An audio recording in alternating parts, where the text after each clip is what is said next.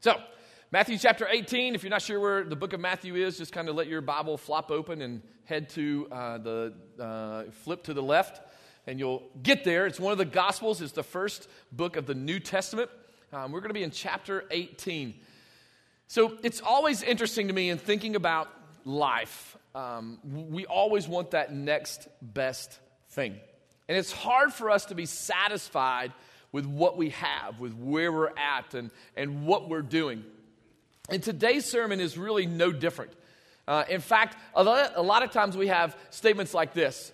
We always say things like, I can't wait until, right? I mean, if you've got kids, you know kids are always like, well, I can't wait until school's out. I can't wait until I can actually go back to school. I can't wait until uh, I can drive. I can't wait until I can date. I can't wait until we go on vacation. I can't wait. I can't wait. I can't wait. And yet, what do they always do? They have to wait. But we say that. We do that. We always say, well, I can't wait until taxes return. Or I can't wait until this happens. Or I can't wait until my kids get out of the house. Right? We say things like, well, we can't wait until. Or maybe we say things like, I wish I could. I wish I could go and move to Florida like Eli wants us to. You know, going on vacation has messed him up. He came back saying, Dad, can we please just move to Florida? And I'm like, Well, son, I have a job and I have a responsibility. He's like, Well, let's just move the whole church. So, just so you know, Eli expects all of you to quit your jobs, sell your houses, and move to Florida with us, find new jobs, find new houses, and I figured most of you would be okay with that. So, Eli, there you go. Your, your plan is coming to fruition. Yeah. And those are things that we think about. I wish I could. I wish I could do more at our house. I wish I could have more money. I wish I could have that Toyota Tacoma. That's just me. Those are things we, we say, I wish I could. Or I'm going to. I'm going to do this if that. I'm going to be a better person tomorrow. I'm going to lose weight at the beginning of the year. I'm going to, I'm going to, I'm going to, I'm going to. Where does it end? Where do we ever find that space of contentment? Exactly. Where, where do we just get to the place that I can't wait until just stops? Or I wish I could just kind of fades away. Or I'm going turns into I am doing. And what if those spots are more worldly thinking. And Jesus says, No, I just kind of want you to stay right here. I have you where I want you. Don't wait until, don't I wish your life away. I have you right where I want you to be.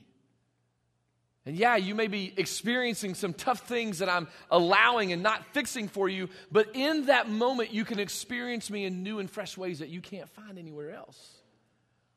And so, what if Jesus says, right here is where I want you? The question we have to ask ourselves is can I be okay with that? Because I have a lot of plans, I have a lot of goals, I have a lot of wishes and wants, and I'm gonnas. But if it doesn't coincide with the plan that God has for us in His Word, maybe those need to be let go of, and we need to remain in His presence and experience Him to the fullest. So here's the thought that I have for you today a childlike faith is a mature faith. Now, that seems kind of off, right? A childlike faith? You mean I got to be childlike in my faith to be able to be mature? Those children and maturity do not mix. They don't work together at all. I've met some adults that hadn't gotten there yet. My wife is shaking her head, like, Yes, honey, I know. I live with you every day, right? So, childlike and mature really doesn't mix until it comes to faith. We're going to find in our passage today at the beginning of 18 where the disciples are having this conversation. And Jesus kind of interjects himself into it, especially in Mark, but in this one, the disciples bring it to him, and he answers their question without really saying much at all. It's a very interesting, interesting passage. So, a childlike faith is a mature faith. Let's go to Matthew chapter 18. Because we're going to see today how Jesus explains that this is exactly how we are to live. We are to have childlike faith. In Matthew chapter 18, we're going to start in verse 1. It says this At that time, the disciples came to Jesus, saying, Who then is greatest in the kingdom of heaven? Now, let's stop right there just for a moment because we need to get some context here. The disciples have just witnessed a very interesting um, interaction with Jesus and Peter paying the taxes and trying to figure all that out. and they recognize that Jesus is the Messiah. They know that he is Lord. And in the prophecy, it has been told to them that this Messiah is coming to be king. He's going to be ruler. He's going to set up a kingdom. And so, in their mind, they know that Jesus is the Messiah and that He is the one that's going to set this kingdom up. And their question is who's number two in charge? Who's next in line to Jesus? Now, does that not sound a lot like us? That's a normal question. It's a fair question. Because when we go to a place of work, we automatically start thinking, how can I get ahead of the next guy? How can I get that next promotion? How can I get that next raise? I can't wait until I'm going to. I wish I could. And the disciples are simply asking a question that we would all ask. If our leader is going to be the next king, and we are his 12 special men. We are the guys, we are his group.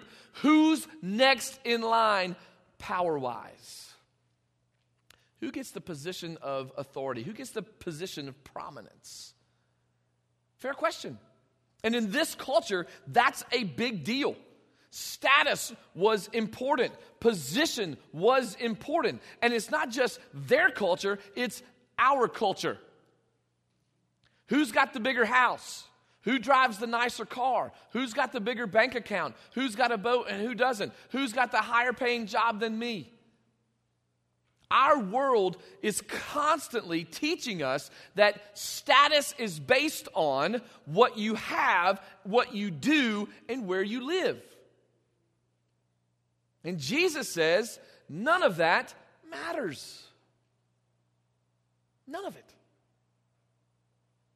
So the disciples are asking a very viable, reasonable question. In Mark, it tells us that they are actually just uh, walking along the road and they're having a conversation away from Jesus about it. And when they get to where they're going, Jesus says, Hey guys, what were you discussing while I couldn't hear you? Which Jesus already knows. But they don't say anything. But in Matthew, Matthew records it a little bit differently. He says, They bring it to Jesus and they say, Who's next in line? Who's going to be the greatest in the kingdom?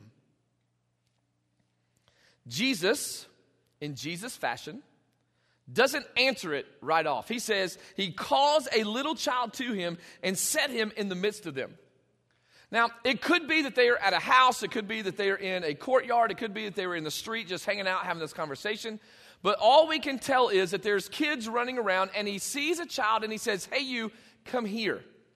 Now, if we were to do that today's time, that'd be a little weird. Right? Stranger danger, like run away, little kid. Like, don't go near that guy. But in this culture, that was okay. You got to remember, this culture is way different than ours. Their children were kind of low priority. They just ran around and hung out and did life. There was a tight bond in these cities and in these towns. And so the kids were able to just run around and do whatever. And Jesus sees one and he says, Hey, come here. And he sits him right in the middle of the disciples in their conversation. What do you think the disciples were thinking? Why did you bring this little kid in?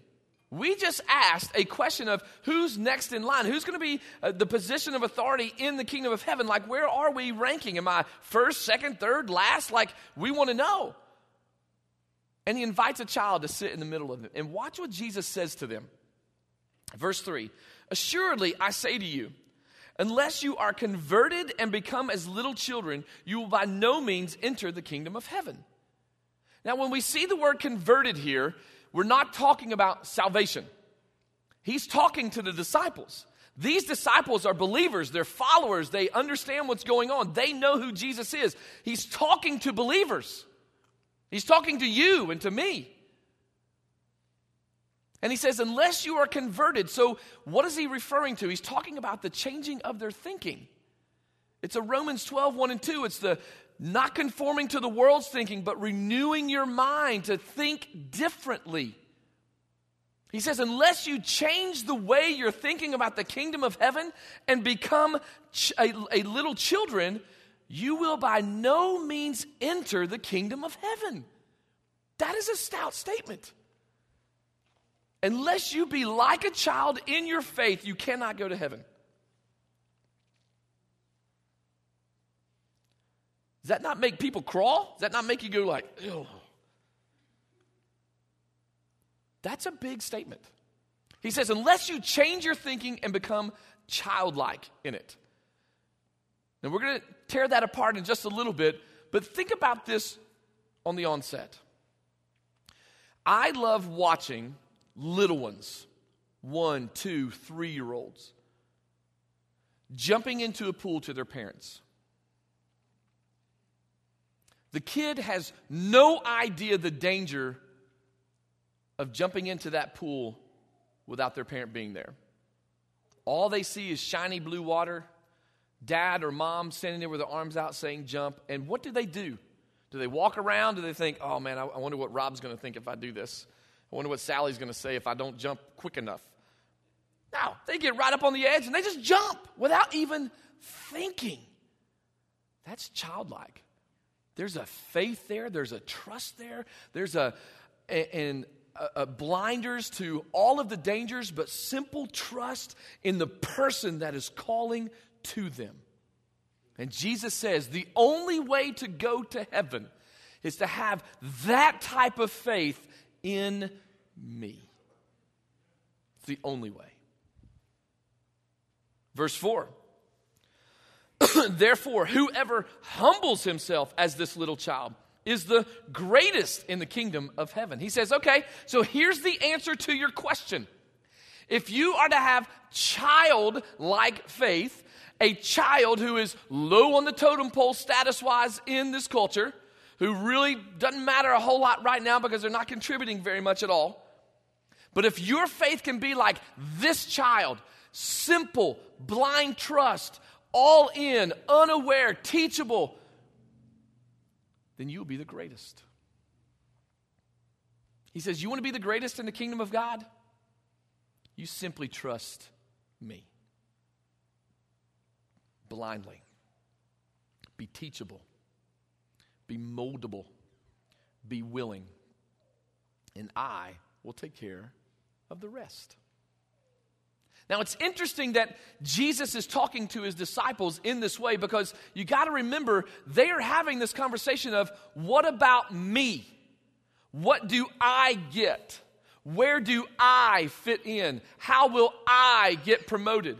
And Andrew Murray says it best. He says, Pride renders faith impossible. When I have pride in my life, it renders my faith unusable. Because faith is trusting in something bigger than myself. Pride is trusting in me rather than that other person. So, pride, when I get to be about me and I want to do what I want to do and I want it to be about me, it renders my faith, my ability to trust God blindly, all in, it renders that impossible because it now has become about me rather than him. And that is what he's telling these disciples. He's like, guys, if you do not change your way of thinking, if you do not get to the place where you just trust me in everything that we're doing, you are not going to be able to handle what's coming. You're going to miss it all. And you got to be childlike in order to get it all. So he looks at the children. And in Luke, we find a passage where the people were bringing children to Jesus. Jesus is taking them in and loving on them and, and blessing them and, and probably kissing them on the forehead like he probably would have done.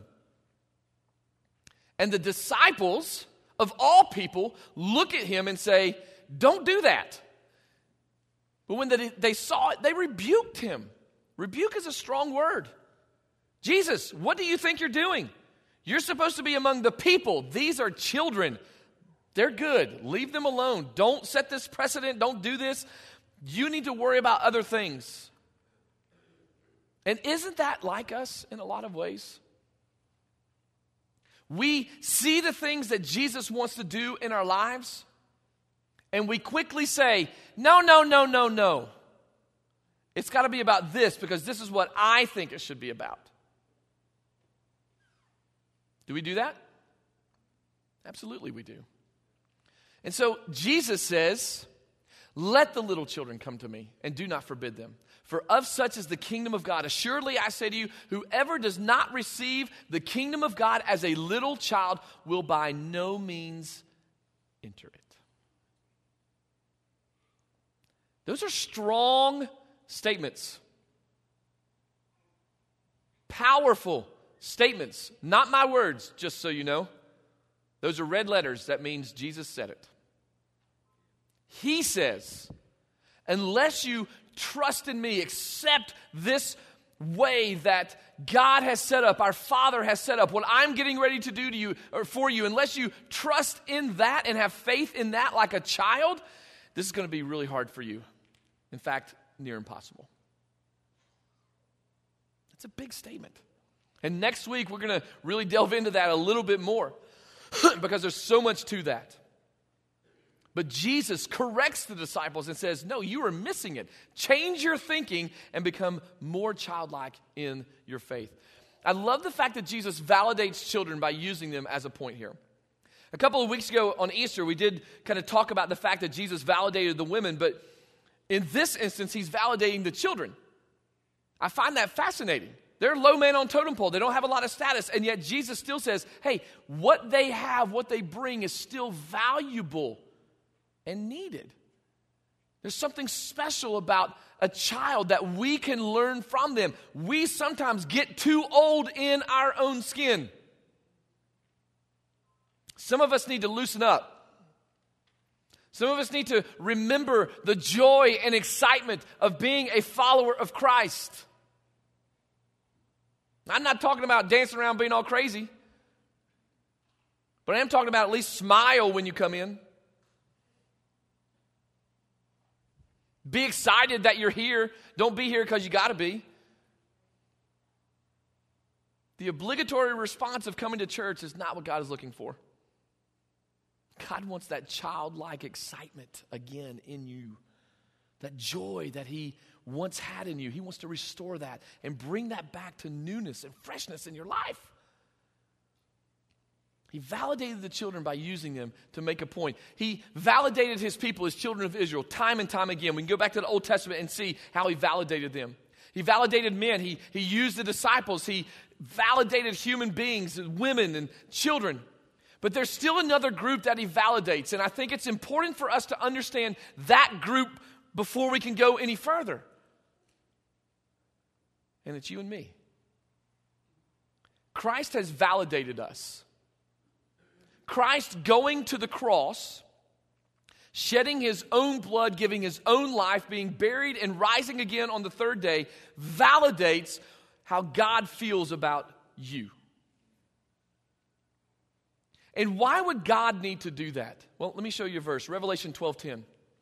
Then I heard a loud voice saying in heaven, Now salvation and strength in the kingdom of our God and the power of his Christ have come. For the accuser of our brethren who accused them before our God day and night has been cast down. You have an accuser that is trying to invalidate you every day of your life.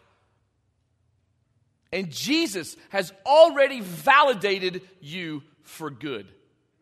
It is time we as believers hold on to that and live in that. It is time for non believers, those that are on that journey, not quite there yet, to step up and say, I'm going to trust it and move forward with it.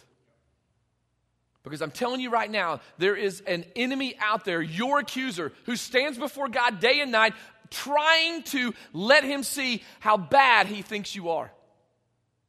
He is a roaring lion walking about, waiting to pounce on you, to chew you up, and to spit you out and walk away laughing at you because he's ruined your life. That is the enemy that we have. But our Savior, Jesus, the Savior of the world, has already conquered all of that and validated us on the cross. And it is time we as believers step up to the plate and live life that way. He validated us through his death, burial, and his resurrection. And so, if Jesus has validated us, if because of his death, his burial, and his resurrection gives us value, gives us purpose, gives us new life, what should our response be to that? Now, again, I'm predominantly talking to believers on this one. But if you are a, not a believer, if you've never accepted Christ as your Lord and Savior, today could be your day and you can enter into this validation, into this new life. But I really want to talk to the believers today. Because if we can't get this with whatever's coming down the pipeline, we are going to miss out on so much. We're going to be in trouble. He says a childlike faith for us to enter the kingdom of heaven, we must have childlike faith. So let's talk about that just for a minute. Let's play around with this whole idea of childlike faith. A childlike faith is blind trust. Now, that does not mean I'm walking around with my eyes closed and I'm just trusting wherever He leads me. It means that I'm blind to everything outside of my sight line of Christ. I'm not distracted by all the things that could pull me away. I don't worry about what Facebook says. I don't worry about what my friends say. I only worry about what I see inside my blinders, and it's Christ's path. It's a blind trust. It's that trust that a child has when you listen. I think about this all the time. You take a kid by the hand and go into an amusement park or into a mall, something that's just very overwhelming, and that kid's gonna follow you everywhere. Why? Because they are trusting the hand that they're holding. That is blind trust. That is what we need to have with Christ. We don't need to worry about anything else because we hold the hand of the one who sees and knows and can conquer or has conquered all. That's big for us. Blind trust. That's what childlike faith looks like. I may not understand it all, but Christ is in my view, and I can just trust that He's got it covered. Pure excitement. Let me ask you a question. When's the last time you really got excited about somebody's salvation or something that God did in your life? I mean, seriously. I guarantee you, some of you ex- celebrated more for the Eagles Super Bowl than you did about. That was a lot to celebrate. They worked for that. But when's the last time we celebrated your friend coming to Christ or a family member? I mean, we do really well celebrating on our celebration Sundays. We hoot and holler and get excited about the things this guy's doing, and we should. But why do we only wait to those two Sundays to do that? And we do a good job of celebrating and being excited when we walk into this building on Sunday mornings and we get to be in His presence and be with our friends and our, our church family, and we get excited about that. But my question to you is this Does it stop when you leave? Why can't we be excited from the moment we wake up? Now, I know there's a lot of snap, crackle, and popping that's going on when you wake up, and that's a little discouraging. I get that. But once you have done all that, you're stretched out and you're ready to go, why can't we be excited about the unknown of what God is going to allow into our life that day? Where's the excitement, the adventure of, I get to serve God. I have no idea what He's going to do in my life today. I have no idea where He's going to lead me, but daggone it, I am stoked about it because I know He's going to be there and He's going to help me do it. Why can't we be passionate and excited about that? Because the world says, whoa. Not cool. You've got to be in control. You've got to know the ins and the outs. You've got to have everything planned out. You've got to know everything that's going to happen. You've got to set lofty goals, five, ten year goals, and make sure that you hit them. The only goal that I have is to remain a believer until I die. And whatever else God brings into that, cool. I'm good with that. I can work with that. Now, does that mean I just haphazardly live life and don't pay? No.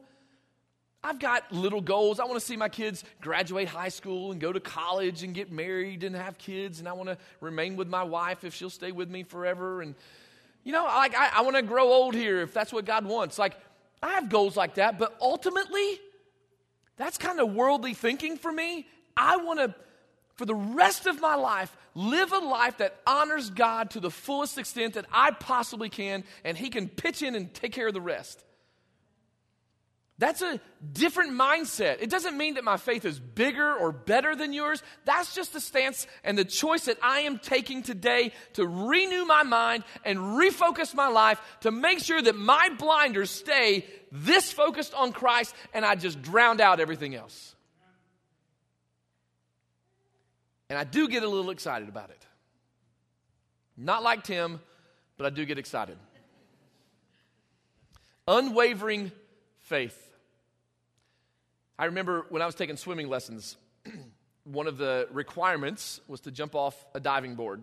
Now, in my mind, I can think back, and I think, I don't remember, I think I was less than 10 years old, and the diving board, I, I guarantee you, was 100 foot in the air. Probably not, but that's what it felt like. and the swimming instructor, literally, she was just off the, the front end, and she says, Jump, I will take care of you. And it took me a little while. But I trusted my swim instructor and I jumped. Now, I jumped on her. she didn't say I couldn't do that, but I made sure I got to her. But I jumped. And there's, a, there's an attitude about serving Christ that my faith needs to be unwavering. When he called Sally and I from Alabama to here, that was a big jump for us. We're moving to the north with all those Yankees, which y'all aren't even close to Yankees, and I praise God for that. Not that Yankees are bad, I'm not saying that. That was a big step for us. That took us to say, you know what, God, we've had it really good here. We've enjoyed this life. But we know that we trust you and we gave you our lives for you to move us and do whatever you want with us. And so you said we need to go there. So here we go. We haven't wavered since. Has it been always easy? Eh, nah, but the blessings and the cool factor and the neat stuff that God does just infuses our excitement even more to serve Him every day of our life. And there are still things that that's, that's an easy one for me. But trusting that my boys are going to go off to college and be okay, eh, I'm a little nervous about that. There's a lot of evil stuff out there. They've got it really good right now. Mom and dad won't always be there to protect them. But does that mean my faith has to waver? No, because I know my God is much bigger and far more reaching and more than able to take care of my boys when they're gone. But they're never leaving. This is a good one. This one is so important. You think about a child who wants to learn. You teach them a few letters and a few words, and what do they want to do? They want to start reading. You teach them how to ride a bike and keep their balance, you can't get them off their bike. You teach them how to swim, you can't get them out of the pool. Kids are so teachable and so moldable, and they want to learn. Jesus says, You must have a childlike belief system, a childlike faith. What does that look like? We should never stop being teachable. We should never stop wanting to learn more.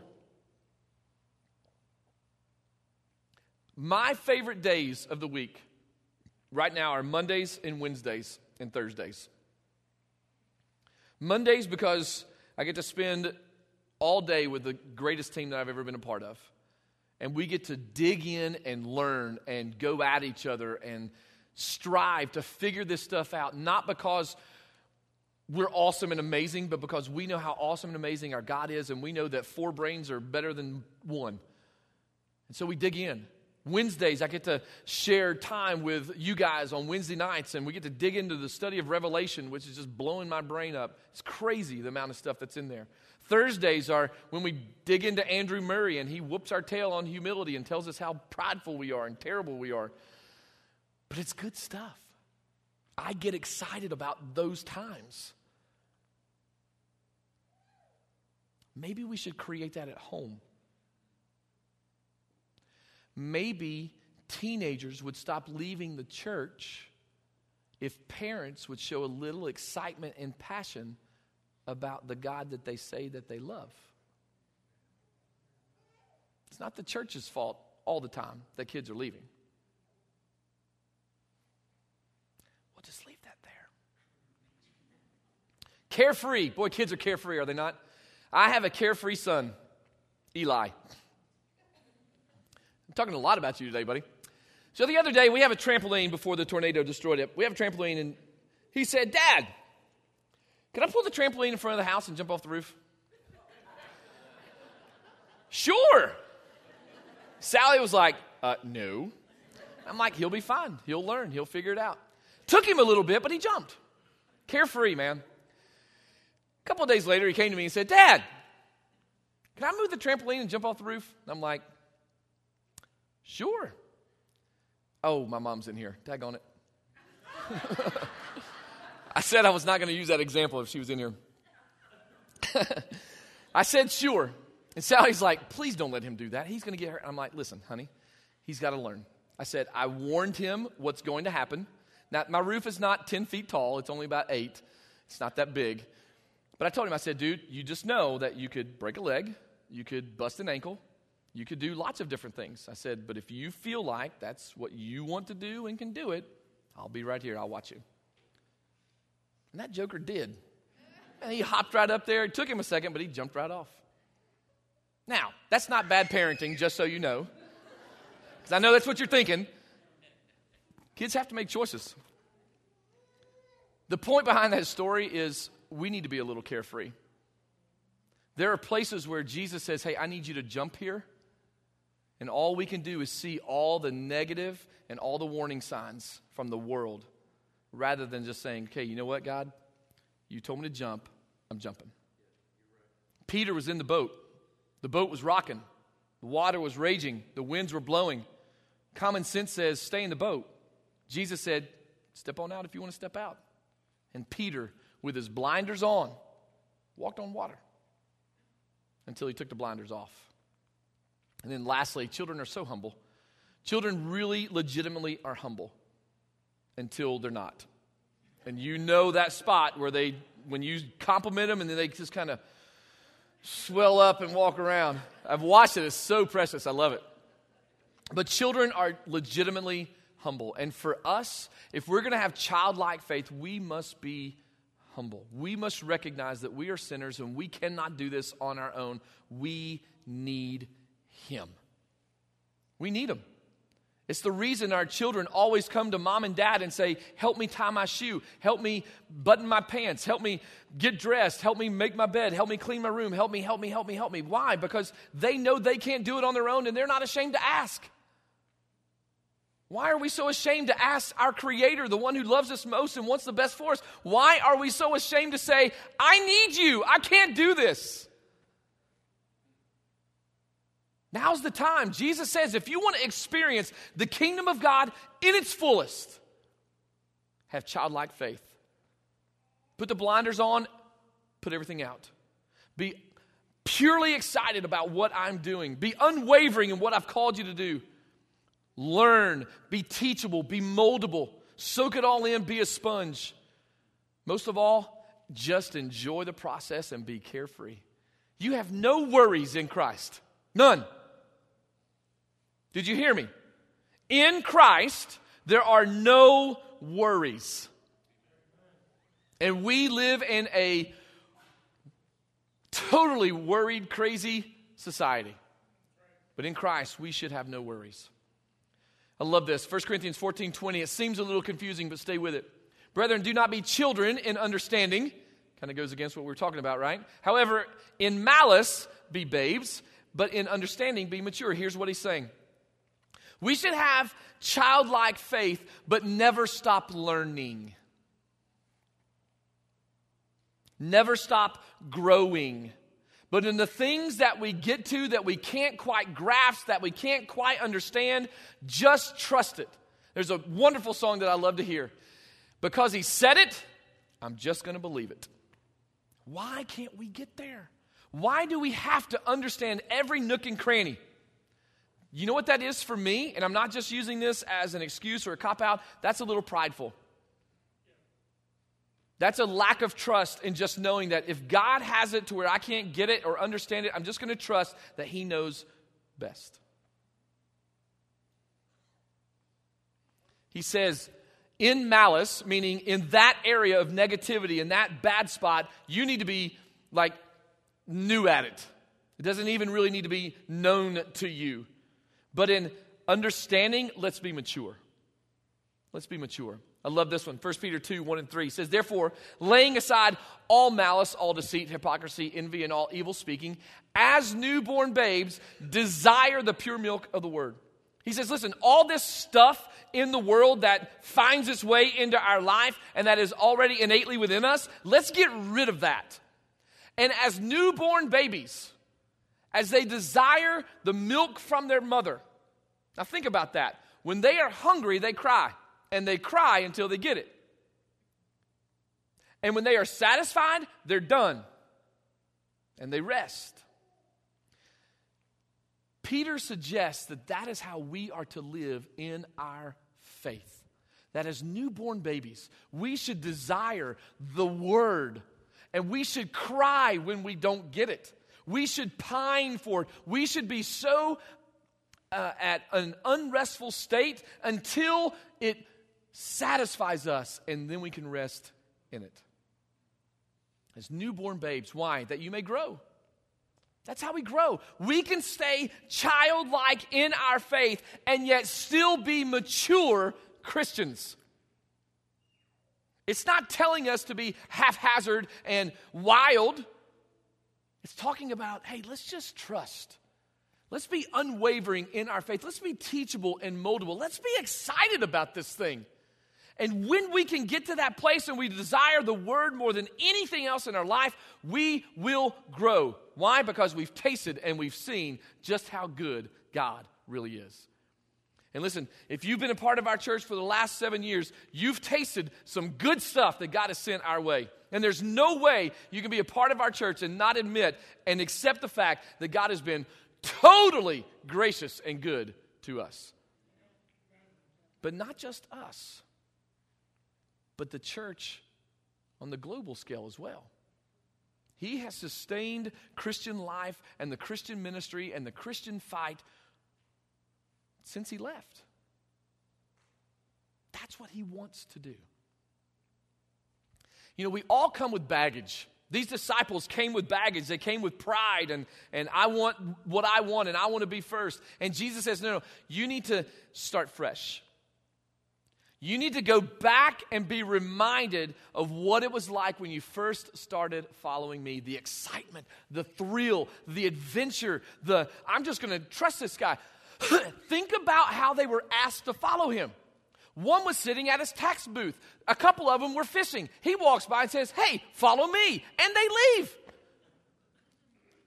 We, God says, Hey, follow me. Well, where are we going? How long are we? What's it going to cost me? What do I have to leave behind? How do I have to change? What can I not bring and what can I. Eh? What are we doing? If Jesus says, do this, guess what? Do it. If he says, don't do that, guess what? Don't do it. We have complicated this. Jesus says, simplify it. Be like a child in your trust towards me. I've got it all under control. I've got it figured out. I have already beat the enemy. Just stay in tune with me. I got you covered. That's what this is about. And he says, I want you to start fresh with me. Come be like a child. If you want to experience the kingdom of God in its fullest, you must have childlike faith.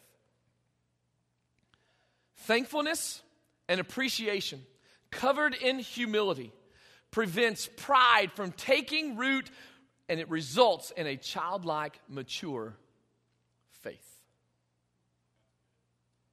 we must be thankful. Every morning we wake up, we should take the time to thank God for another day to serve Him. First words out of our mouth should be that. We should take time all day long to express our appreciation to Him for the great things that He's doing, for the things He's allowing me to be a part of, both good and bad. Our appreciation should just ooze out of us. And surround that with humility, recognizing that I can't even notice these things without your help. I can't acknowledge them. I can't do what you've called me to do without you. When I can do that, there is no room for pride. And Jesus says, You want to get to heaven? Have a childlike faith, which means no pride. Lose it all in order to gain it all. Childlike, mature faith to me is kind of like one of those weird statements, right? But do you see the truthfulness behind it now? A childlike faith is truly a mature faith. As the praise team comes, I've got some questions for you I want you to ponder uh, today. Question number one simple question Do you have childlike faith? You may have been saved a very long time, kind of gotten complacent and comfortable with where you're at. Maybe it's time to reignite that excitement and joy and passion of your faith. Where's your faith at today? Is it really childlike? Or have you tried to make it into something that God never intended it to be? Maybe you've never started this faith journey. Maybe you don't even understand what I'm even talking about. Would love nothing more than to spend some time with you and explain to you how you can have a relationship with God through His Son, Jesus Christ. And the faith is simply trusting in what Christ did on the cross and in the power of his resurrection for you. So let me ask you again do you have childlike faith this morning? Here's question number two What is keeping you from the excitement and joy of childlike faith? What in your life as a believer, if you feel like you've kind of lost that joy and excitement of your childlike faith, what is it? Can you pinpoint it? And if you can't, I know who can. He can. Just ask Him. Say, Father, I, I know that I've lost that zeal, that passion, that joy, that excitement. Reveal it to me what it is. Now, I'm telling you right now, if you will pray that and mean that, I 100% confidently will tell you, He'll show you. The question is, will you argue with Him about it? That's where that blind trust comes in. If He brings it up, it's in your line of sight, and you got to deal with it. Question number three is pride eroded the safe areas Christ has called us to rest in? These areas that God has called us to, to be a part of Him and in His work, and where we can truly rest in them. Has pride eroded those areas for us? That they're not so restful anymore? That, that can happen, by the way. Has pride eroded those areas? And lastly, this is a big one. Can you be excited with whatever God brings into your life? In this unwavering, childlike faith, this mature faith that He's calling us to, can we, as Christians, as followers of God, be okay with wherever He takes us and whatever He allows into our life?